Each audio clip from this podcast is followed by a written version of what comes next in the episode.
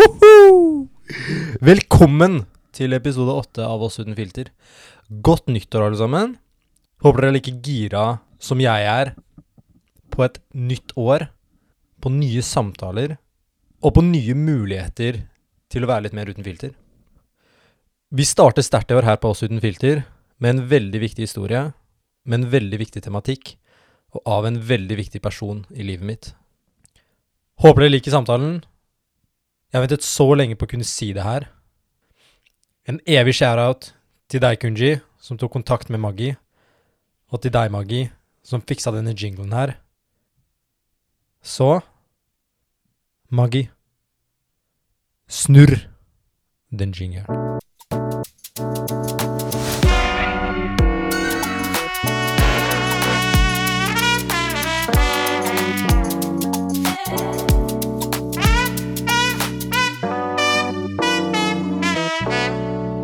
Uff! Hæ? Grov jingo. Hva tenker vi?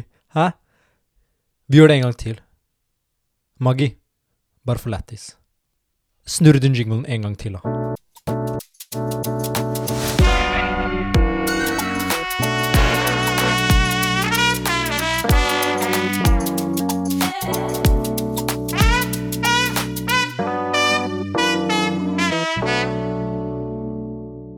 Velkommen til podkasten min, eh, Oskar. Tusen takk, Aron. Det er en glede å være her. Det er en glede å ha deg her. Jeg har gleda meg masse til eh, denne episoden her, faktisk. Ja, jeg også. Jeg vet ikke om du har tenkt over det, men nå spiller vi inn episoden på Lysholm, inne på Kalvskinnet, og det her er jo faktisk eh, første stedet du og jeg møttes. Det er det faktisk. Det har jeg ikke tenkt over. Du har ikke tenkt over det? Nei. Er du helt sikker? Fordi vi snakket om det her i stad. Nei da. Men jeg var jo fadderen din her på lærerstudiet. Det var du. Og jeg husker veldig godt første gang jeg møtte deg, fordi da sitter vi i et klasserom, og så sitter vi i en sånn sirkel. Jeg, jeg og resten av fadderne, og så alle dere fadderbarna. Og så gjorde vi de der standardgreiene, hilse på hverandre, sa hva vi het. Mm. Og så da vi gikk ut av klasserommet for å vise dere resten av bygget, så kom du bort til meg Mm. og begynte å snakke litt, og du sa Hei, jeg kjenner Chris Ruben. Kjære til Chris Ruben. Veldig stor shout til Chris Ruben. Uh, jeg kom fra Lindeberg, bla, bla, bla. Mm. Kjære til Lindeberg. Og jeg tror det er en greie, jeg vet ikke hvordan det er for deg, men du vet med en gang jeg hører at noen er fra Groruddalen, Mm. så blir vi automatisk brødre. Brødre. Jeg er helt enig. Momentant. Ja, for et ord. Øyeblikkelig. Og det var det som skjedde, ikke sant?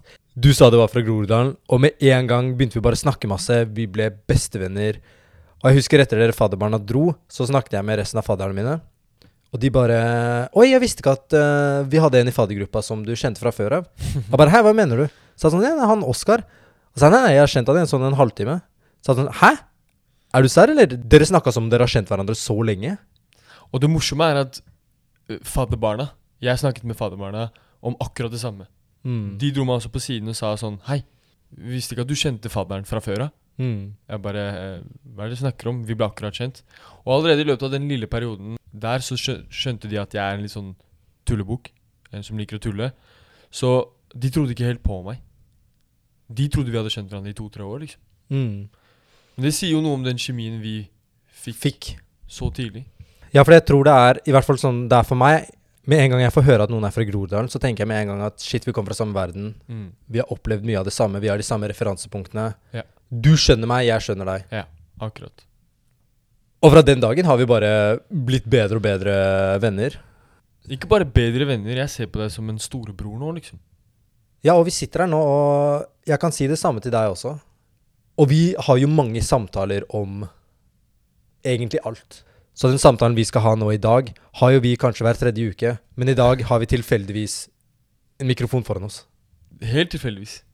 Men ja, du går på lærerstudiet. Det gjør jeg. Du lurer vel kanskje på hvorfor jeg gjør det? Ja, jeg tenkte å stille deg spørsmålet. Det var det snakk, bro? Jævlig. Nei, men uh, jeg uh, søkte jo uh, lærerutdanningen fordi jeg hentet mye inspirasjon fra mine lærere på ungdomsskolen. Fordi eh, for meg så betydde de mer enn det jeg forsto eh, i løpet av de tre årene på ungdomsskolen. Mm. Eh, men ikke så lenge etter, så skjønte jeg faktisk at hei, de her har faktisk betydd mye for meg. De har vært med på å forme meg mye som en person. For det skjer jo ganske mye i løpet av tiden på ungdomsskolen. Det er mye hormoner, mye følelser, og man føler mye om mye. Det var godt sagt. Så de var med på å forme meg, da. Og derfor vil jeg Være en sånn person. Ja. for noen andre i fremtiden. Det er en veldig fin ambisjon. Og de fleste som hører på denne podkasten Ikke at det er så sykt mange, men de vet jo ikke hvem du er. Så de har forhåpentligvis uh, vært innom instaen min fordi de forhåpentligvis følger oss uten filter, og sett at jeg har lagt ut uh, Oscar uten filter. Og tenker at shit, ok greit, en ny episode med en ny person, spent på hva han skal snakke om, men jeg vet ingenting om han. Nei. Men for de lytterne som vet hvem du er, de vet jo at du er en person som alltid ler, som alltid kødder, og som kanskje ikke har denne dimensjonen ved seg. Dette med å føle på usikkerhet og sånn, fordi du bare går rundt og smiler, og det ser ut som Og det ser ut som livet ditt er så enkelt og At det er en dans på roser uten Ja. torner. uten torner, ikke sant? Tror du det er en del folk som kan tenke det om deg? Det tror jeg. Uten tvil. Og det er veldig forståelig, liksom. Men de folkene som tror det, får se en del av meg. Som ikke er hele delen, men Mm. en del. Og derfor er det forståelig at de har det bildet. Riktig. Men det er også de folka som ikke kjenner meg så godt, som de som egentlig kjenner meg Mm. godt. Eh, fordi de ser hele bildet og hele personen. De vet at det er torner der, som jeg kjenner på, som jeg stikker meg på. Og de vet at jeg er en eh, morsom person, og de ville nok beskrevet meg som du vet, den der perioden hvor man hadde på Facebook. Eh, lik og kommenter, så skal jeg beskrive deg med tre ord. La du ut det der noen gang? Hæ? Nei. Greit, greit, greit. Men la oss si at jeg liker eh, en sånn post. Riktig. så tror jeg at de tre ordene jeg hadde fått, hadde nok vært eh, morsom, Mm. eh, utadvendt og kanskje snill. Snill. Ja. Og det er derfor jeg syns det er så interessant å få muligheten til å snakke med en som deg. Og med det så mener jeg jo en person som, som er så imøtekommende, og som, eh, og som ler og tuller så mye. At folk skal få lov til å bli litt bedre kjent med den andre siden ved deg. Men også å fortelle folk at det går helt fint å kjenne på kjipe følelser. Fordi Oskar gjør det, han også. Og det er akkurat det. Når, når til og med Oskar kan kjenne på sånne følelser og dele dem, da kan alle det. Mm. Og nå sklir vi jo sånn ganske smooth inn i dagens tema, som jeg synes er et utrolig viktig tema å ha med på denne podkasten. Og det handler om det å være gutt, og det å være i en sånn guttekultur som jeg mener i for liten grad åpner opp først og fremst for det å kjenne på følelser, men også det å snakke om følelser Ikke minst. ikke minst. Og denne samtalen vil jo skille seg litt mer ut fra noen av de andre samtalene. Ved at vi skal fortsatt gå kronologisk til verks. Vi skal fortsatt dele en historie. Men formatet blir mer en samtale nå mellom to gode venner, Brødre. brødre, enn at du bare skal dele en opplevelse. Mm. Fordi som to gutter så har vi begge ulike opplevelser, men med samme fellesnevner. Men nå skal la oss reise tilbake til barneskolen. I fjerde klasse så opplevde du noe ikke veldig mange fjerdeklassinger opplever. Jeg lurer på hvor spent det er. Kanskje det er en del fjerdeklassinger som opplevde det. Men hva skjedde da? Hæ? ai, ai, ai. Nei, eh, i fjerde klasse så ble jeg dumpa. I friminuttet. I friminuttet. Ti minutters lang friminutt. Hun brukte ikke mer enn to minutter. Så resten av de åtte minuttene, quick math, så koste hun seg. Hvor lenge hadde dere vært sammen? I tre uker. Det Så var det- tre lange uker for meg. Tre uker når du er barn, det er lenge. Det er lenge. Det er lenge. Da har man kanskje begynt å klemme. Vi klemte. Dere klemte? Mm. Ok, greit. Det var eh, stort eh, steg. Men hva skjedde etter hun dumpa deg? Hun dumpa meg, og jeg husker ikke min umiddelbare reaksjon. Om det var liksom sånn Ja, OK, ha det. Eller om, om jeg ble lei meg da, og om det vistes. Jeg, jeg vet ikke, jeg husker ikke helt det. Men jeg husker veldig godt at i den påfølgende timen etter eh, frimte, så hadde vi kunst og håndverk. Og vi skulle tegne. Og jeg ville ikke tegne i det hele tatt. Av to grunner. Det ene er at eh, jeg er sykt dårlig til å tegne. Det er latterlig dårlig, liksom. Folk som har spilt uh, Rykte gå med meg, vet hvor dårlig De vil, personen de vil ikke sitte ved siden av deg. De vil ikke sitte Fordi uh, Ja, jeg er dårlig til å tegne. uh, men også fordi jeg var knust. Mm. Den beskjeden hun leverte, leverte hun brutalt. Og, og hun leverte den. Men jeg var lei meg i den timen. Og på kvelden så var jeg med gutta, og vi spilte og koste oss, og vi hadde det gøy. Og da var liksom den kjærlighetssorgen som var så intens i den timen, og kanskje noen timer etter, den var glemt. Den var borte. Mm. Og det er til stor kontrast fra kjærlighetssorgen senere. Fordi livet smilte jo etter fjerde klasse. Det smilte til de grader. Du utviklet en deilig og fin afro, Ja.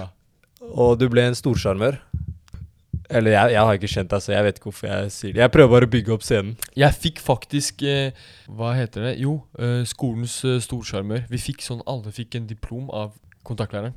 Eh, jeg fikk eh, klassens storsjarmør. Riktig, så da er det litt hold i det jeg sier. Det er det. Og du klarte å sjarmere på deg en ny jente. Ja, faktisk. Og så klarte du å bli dumpa igjen. Hæ? Men når var det her? Eh, vi spoler ganske frem i tid. Ganske langt frem. Ganske langt frem. Ja. Så nå er vi i uh, sommeren til andre klasse på videregående. Riktig. Hvor jeg nok en gang ble dumpa. Uh, Friminuttet? Nei, det var faktisk i friminuttet. Det var uh, midt i byen, på Nationaltheatret. Så slo hun opp med meg. Eh, og så tok jeg T-banen hjem til Lindeberg. Mm. Og så møtte jeg gutta på fotballbanen, fordi de var der. Og så sier jeg til gutta 'Gutta, jeg er singel!' Yay! Og alle bare Yay! Gratulerer. Gratulerer at du er singel. Og så gikk jeg hjem og gråt. og jeg gråt så mye. Mm. Så mye at jeg Jeg var knust. Mamma, da jeg gikk på do på kvelden Jeg fikk forresten ikke sove den kvelden. Så på et eller annet tidspunkt eh, den natta så gikk jeg på do ned trappa. Fordi eh, doen er i første etasje. To Og- etasjer. To etasjer. Storkar. Flakes. Men eh, mamma skjønte at det var noe galt, så hun kom ut, og så bare så hun på meg, og så knakk jeg sammen. Mm. Og det er til stor kontrast fra det jeg bare sa noen timer før foran gutta, liksom. Ja, og den, liksom, den største forskjellen fra andre klasse på videregående kontra fjerde klasse, er jo at i fjerde klasse så slo hun opp, og det var trist den, hele den timen. Ja, det var veldig trist, jeg gråt. Men på kvelden så var jeg med gutta. Vi koste oss, og det var greit, og da var det glemt. Mm. Men, men nå, i andre klasse på videregående, så surra det dagen lang rundt i hodet mitt det spørsmålet om at hvorfor slo hun opp med meg? Mm. Hva har jeg gjort galt? Altså sånn, hvorfor meg? Ja, fordi man har jo ofte en mye enklere virkelighet i fjerde klasse. ikke sant? Fordi det er sånn OK, hun slo opp med meg, greit. Men senere så begynner man å ta seg mye nær av det, for da blir man bevisst på at shit, hun dumpa meg. Mm. Hva mener du med meg? Ja. Jeg er perfekt. ja. Men jeg er helt enig, og da, da blir det mye mer personlig. Og når du tar det så mye mer personlig, så blir du jo mye mer lei deg. Og jeg var så knust da hun dumpa meg i andre klasse. Mm. Men var det noen du åpnet deg opp for? Ja, det var jo mamma, da. Men eh, det var egentlig først og fremst Ida. Ida. Ida. En venninne. Stor shout-out til henne. Stor, gedigen, kolossal shout til Ida Aasrud. Mm. Jeg har vært inne på synonymer.no før den samtalen. her. Jeg hører det. Ja. Jeg hører det. Ja.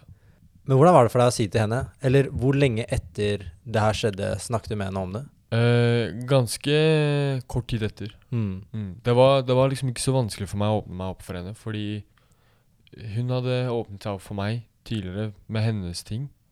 Og da når det oppsto en ting for meg som jeg trengte å åpne meg opp for, så var det liksom den første personen som kom I tankene. i tankene, var Ida. Mm. Det var liksom ikke noe tvil. Og det her er jo fascinerende, ikke sant, med at Med at man er så selektiv med hvem man åpner seg opp for. For det er en så stor kontrast fra det Ida så etter den prosessen, som fra det gutta dine så, ikke sant. ja. Det er jo dag og natt. Det er dag og natt. Ida så natten, den søvnløse natten, mens gutta så den, den glade dagen. Mm. Og det som er så spesielt med ditt tilfelle, er at jeg har et tilfelle som er ganske likt med mitt første brudd. Fordi da har jeg, i likhet med deg, ordentlig kjærlighetssorg. Det er intenst. Når jeg er alene, så bare gråter jeg. Men når jeg snakker med gutta mine, så Og det her er jo min feil, ikke sant? Fordi det er jo der jeg også legger energien min. Men da snakker vi mer om Ja, shit, men vi må dra ut på byen. Du er singel. Mm. Mer enn å faktisk angripe følelsene. Mm. Fordi jeg ville ikke det, og ikke med dem. Og det som var så spesielt med perioden etter bruddet mitt, var at jeg gjorde det jeg kunne for å ikke la folk se meg gråte. Spesielt ikke gutta. Og så var det en dag jeg bare skulle på jobb, og jeg er i leiligheten og har grått ferdig, og så går jeg ned mot eh, bussen, og så ser jeg at eh, en av mine venninner, Tiril, hun går opp mot meg. Og det er en god venninne, og vi har hengt mye, men vi har ikke snakket så mye om følelser og sånt. Fordi jeg har egentlig ikke snakket med noen om dette med følelser. Mm. Jeg har på en måte ikke vært bevisst på det, ikke sant? Men jeg bare merker at med en gang jeg ser henne, så klarer jeg ikke å holde opp den muren som jeg har vært så flink til å holde opp for gutta mine. Mm. Og jeg merker at shit, jeg kommer til å begynne å gråte nå. Og jeg kommer ikke til å gråte litt. Jeg kommer til å skrike. og jeg bare klemmer henne, og jeg begynner å gråte. Foran absolutt alle sammen. Og jeg blir så overrasket over at jeg gråter, fordi først og fremst, jeg har ikke grått foran noen av kompisene mine. Jeg har bare grått alene.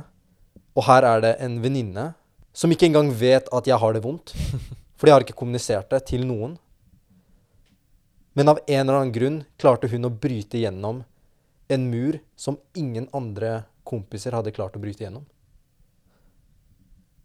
Og jeg tror det er likhetstrekket mellom våre historier at vi har lettere for å la venninnene våre se hvordan vi egentlig har det, enn guttene våre. Det er så etablert i oss. Ja, fordi hvis man skulle prøvd det med gutta, og åpne seg opp sånn, så hadde man blitt, man blitt skjøtta ned med en gang, liksom. Man hadde blitt møtt med Hei, hva skjer? Stram deg opp, da, kompis. Mann deg opp. Hvorfor er du følsom? Og alle de tre uttrykkene her nå, med mann deg opp, stram deg opp, hvorfor er du følsom, uttrykker en, en form for respons på at dine følelser er ikke velkomne her. Ha dem, fordi alle har dem, Mm. men ikke del dem med oss. Det er ikke tid eller sted til å gjøre det. Og kanskje til og med også at ikke ha den, fordi de sier stram deg opp. Sånn, bare vask deg av. Ja, det er sant. Mm, godt poeng. Og det her er ikke tilfellet ved alle guttegjenger, men det er en tendens man ofte kan høre. Uttrykket 'stram deg opp' Mm, er jo ganske etablert. veldig. Og det det gjør i lengden, er at da innser man at føler jeg på noe, så burde ikke jeg snakke med de her om akkurat det her. Fordi jeg vet til en viss grad hva jeg får. Eller så vet jeg ikke hva jeg får engang, men jeg er redd for hva jeg kan få. Nettopp. Og jeg tror ikke det er det man tenker når man kommer med en sånn Når man kommer med et sånt uttrykk. Så tror jeg ikke man tenker Hva man egentlig gjør. hva man egentlig gjør. For det er det som kanskje er det viktigste vi vil få ut av denne samtalen. Denne makten vi alle har for å etablere hva som er greit og hva som ikke er greit innenfor en vennegjeng. Mm. Og hvordan enkle kommentarer eller enkle spørsmål kan påvirke relasjonen vår, både positivt og negativt. Det å på en måte være bevisst på det. Og den makten, som du sier, fordeles egentlig på alle deltakerne. Og hvis vi går tilbake til tilfellene våre ved kjærlighetssorg Fordi denne episoden er ikke om det. Det var bare det at det er et veldig konkret eksempel der vi får frem det vi vil få frem. Mm. I de tilfellene her hadde jo sikkert vi venner som kunne møtt oss med den støtten vi hadde trengt hvis vi hadde åpnet oss opp. Absolutt. Vi bare gjorde det ikke. Nei. Så det, det her er ikke noe kritikk sånn der eh, Mm. Jeg håper ikke gutta at dere eh, river meg etterpå. Hvorfor roser du meg på podkasten din? Nei, det her er jo mer Når vi nå drar opp de her historiene Jeg vil ikke si at vi kritiserer oss selv heller. Det er mer opplevelser vi har hatt, som vi ser tilbake på med de brillene vi har på i dag. Ja, godt sagt. Ja, og apropos det hvordan man eh, hadde løst ting annerledes i dag. Da jeg kom, for da jeg kom opp til Trondheim, eh, så hadde jeg eh, nok en gang trommevirvel, kjærlighetssorg. Hvem slo opp? Og hvem slo? opp? det var jeg. Psyk! Det var tre av tre. Det var tre av tre, ass. Det var det. Ja. Ikke en eh, stolt statistikk. Nei. Men da jeg kom opp til Trondheim den høsten, så var det veldig, en veldig lang høst og vinter for meg, fordi jeg hadde kjærlighetssorg. Og jeg bodde med to veldig gode kompiser, og de visste at jeg hadde kjærlighetssorg. Det visste de. Men de visste nok ikke alvorlighetsgraden bak den kjærlighetssorgen. Mm. Vi bodde i en eh, 60 kvadrat, ish, hvor vi bokstavelig talt nesten bodde oppå hverandre. Vi hadde rom vegg, vegg i vegg. Eh, Men ingen av dem visste nok egentlig at bak den døra, hver natt, over en lang periode, så lå best, en av deres beste kompiser og gråt seg til søvn, liksom. Mm. Og det verste er at jeg liksom Jeg ga aldri gutta jeg bodde med, altså Krish og Sletten, kjære til begge Jeg ga dem aldri muligheten til å vise hva jeg faktisk følte. Hvor knust jeg var, hvor langt nede jeg var.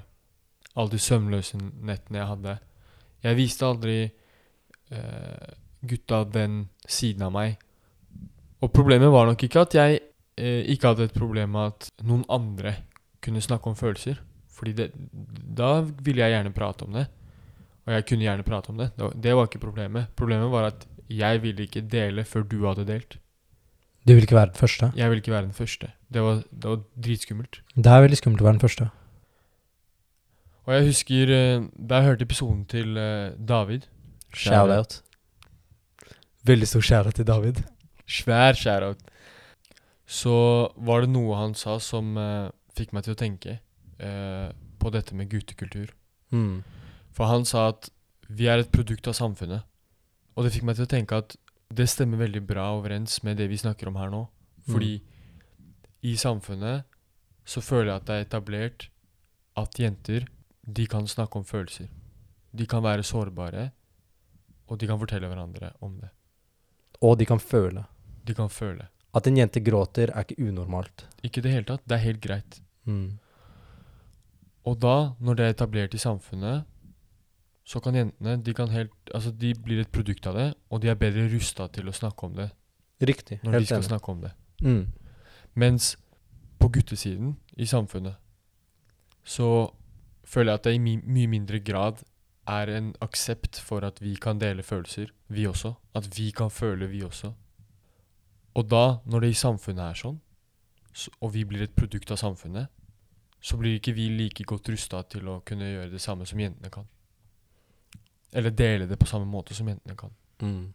Og det er det som er så kjipt når livet treffer deg hardt, ikke sant? Mm. For det er ofte livet treffer deg litt, og så klarer man å håndtere det ved å skyve det unna. Det er mye man klarer å håndtere ved å skyve det unna, selv om det på en måte ikke er så produktivt. Men så er det visse ting som treffer deg, som det bare ikke går an. Ikke sant? Og du vet aldri når de treffer. Og eh, jeg fikk anbefalt en serie av Thomas, han som jeg bodde med tidligere. Skjæra til Thomas. Shout-out til Thomas. Og han eh, anbefalte meg en serie som heter Mannefall.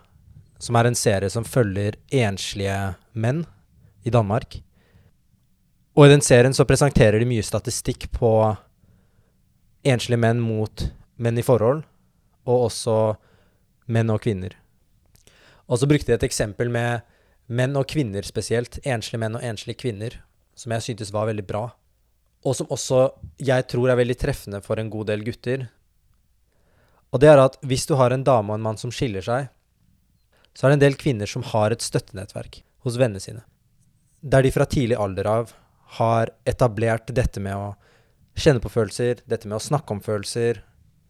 Og hun kan henge seg på dem, hun kan snakke med dem når hun har det kjipt, hun kan snakke med dem de dagene hun har det bra, og de fokuserer på å la henne føle på de følelsene, og så prøve å være litt løsningsorienterte. Men samtidig anerkjenne at hun føler det hun føler på.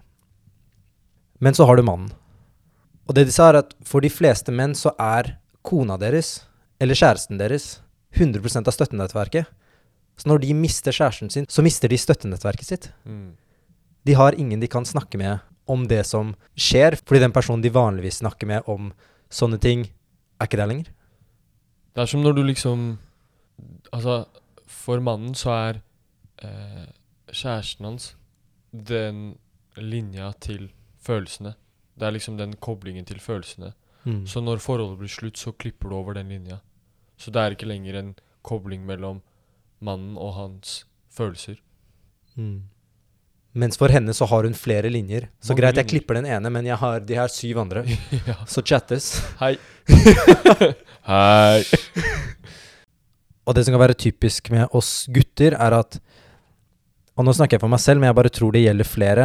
Og det er at når man kjenner på følelser, så vil, så vil reaksjonen være at nå må jeg prøve å gjøre det jeg kan for å ikke kjenne på det. Skyv det under teppet, gjør det du kan for å ikke møte det, og lev livet ditt. Få det vekk. Få det vekk. Og ja, det gjør at man er mye mindre rustet enn jentene når det kommer til sånne situasjoner. Men jeg visste det bare ikke. Før jeg senere dro til psykolog av noen andre ting. Men hun der gjorde meg bevisst på det å være bevisst på sine egne følelser og tanker. For det var ikke noe jeg hadde tenkt på før. Og jeg vet ikke om du tenkte så mye på det fra ung alder av. Det å ha et bevisst forhold til følelsene sine. Nei, og du peker på din psykolog som grunn til eh, at du har blitt mer klar over dine egne følelser i ulike situasjoner. Mm. Tidligere har jeg bare ignorert det. Grunnen til at jeg har blitt mer klar over det nå, vil jeg si at du er den personen for meg. Å ja. Så shout-out til deg, Aron. Shit. Fordi, Det her, det her er første skjæra at jeg noen gang har fått. Men ved at du og jeg etablerte Fordi det er ingen hemmelighet at vi, jeg føler vi to har etablert et sånt trygt rom hvor vi kan snakke og dele. Mm. Og ved at vi har etablert en sånn, eh, et sånt trygt rom, kommer som en konsekvens av at du først delte. Og da gjorde du det trygt for meg, slik at jeg kunne dele. Og samtidig, i den etableringen, så gjorde du meg bevisst på at jeg bør være mer intakt med mine følelser. Det setter jeg veldig pris på.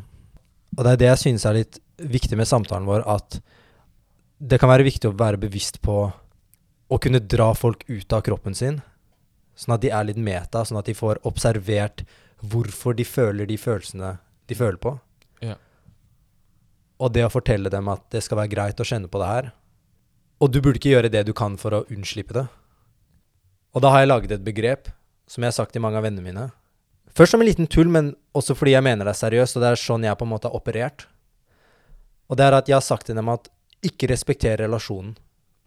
Hvis du og jeg har et vennskap, og det ikke er vanlig for oss å snakke om, om dette med kjærlighetssorg, om dette med depresjon, om dette med usikkerhet, noe sånt, så kan jeg nå velge å spille etter disse reglene, eller med andre ord respektere relasjonen. Eller så kan jeg velge at jeg vil at vår relasjon også skal inneholde de her samtaleemnene. Så jeg velger nå å ikke respektere den relasjonen vi har, og så sier jeg det. Jeg bare sier til deg at Shit, jeg har det ikke så bra nå. Og greit, det blir litt rart kanskje da. For det må jo skje en overgang, ikke sant? Mm. Du kan ikke bare skli den inn, og så bare skjer det knirkefritt. yeah. Men ved å være proaktiv og ikke respektere de relasjonene du er i, fordi du føler at ok, nå trenger jeg et støttenettverk i tilfelle noe skjer.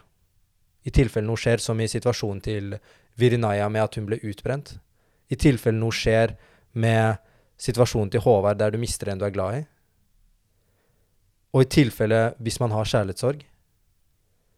Det at jeg har et støttenettverk rundt meg som kan ta vare på meg hvis jeg trenger det, kan være viktig for meg. Men som en venn så vil jeg også tilrettelegge for at mine venner vet at jeg er en del av ditt støttenettverk hvis du også trenger meg. Det kan være et lite problem, og det kan være et stort problem. Men jeg vil i hvert fall at du skal vite at jeg, jeg har deg. Men i kjent stil, fordi det er slutten av denne episoden her Hvis du kunne fått mulighet til å reise tilbake i tid, til Oskar som nettopp har blitt dumpa i sentrum, og som skal ta T-banen hjem til Lindenberg, hva hadde du sagt da?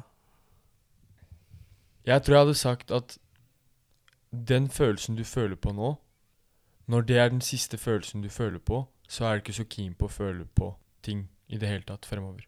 Men det å føle smerten er bedre enn å lure seg selv til å tro at du har det bra når du egentlig ikke har det bra. Så jeg hadde oppfordret han til å eh, omfavne den følelsen, og ikke bli stressa over hvor lang tid den prosessen tar med å heale. Fordi jeg ble det. Jeg ble stressa over når blir jeg ferdig? Blir jeg noen gang ferdig? Mm. Så la prosessen ta sin tid. Prat med Ida, som er ditt støttenettverk, men tør også å utvide støttenettverket. Få nye linjer inn til følelsene dine, flere enn bare Ida, slik at de linjene kan gå begge veier. At jeg kan være der for dem, for gutta, når de trenger det, men at de også kan være der for meg når jeg trenger det. Så jeg hadde bedt han om å gå på fotballbanen, og så si gutta, jeg har blitt dumpa, jeg er singel, men ikke hyll det, fordi jeg er lei meg. Jeg syns det er kjipt, jeg syns det er trist, og jeg er knust. Og noen hadde nok sikkert ledd. Noen hadde tenkt sånn Hva skjer? Stram deg opp. Hvorfor er du følsom? Eh, men noen hadde nok også tenkt at Hei, han er lei seg. Det er rom for å være lei seg i denne vennegjengen her. Så kan vi etablere det derre støttenettverket med de linjene inn til våre følelser sammen. Sånn at jeg blir en linje hos en kompis, og han blir en linje hos meg. Det var skikkelig bra sagt. Tusen takk for at du kom innom. Tusen takk for at jeg fikk komme innom. For en måte å starte sesong to på. Kickoff-fest hos Aron. Nei, ikke hos meg. Og tusen takk til alle dere som hørte. Før jeg avslutter denne episoden her, så vil jeg bare skli inn noe mormoren til kjæresten min Anne sa til meg, som jeg føler er veldig relevant til det vi har snakket om i dag. Og det er at delt glede er dobbel glede, og delt sorg er halv sorg. Vi ses.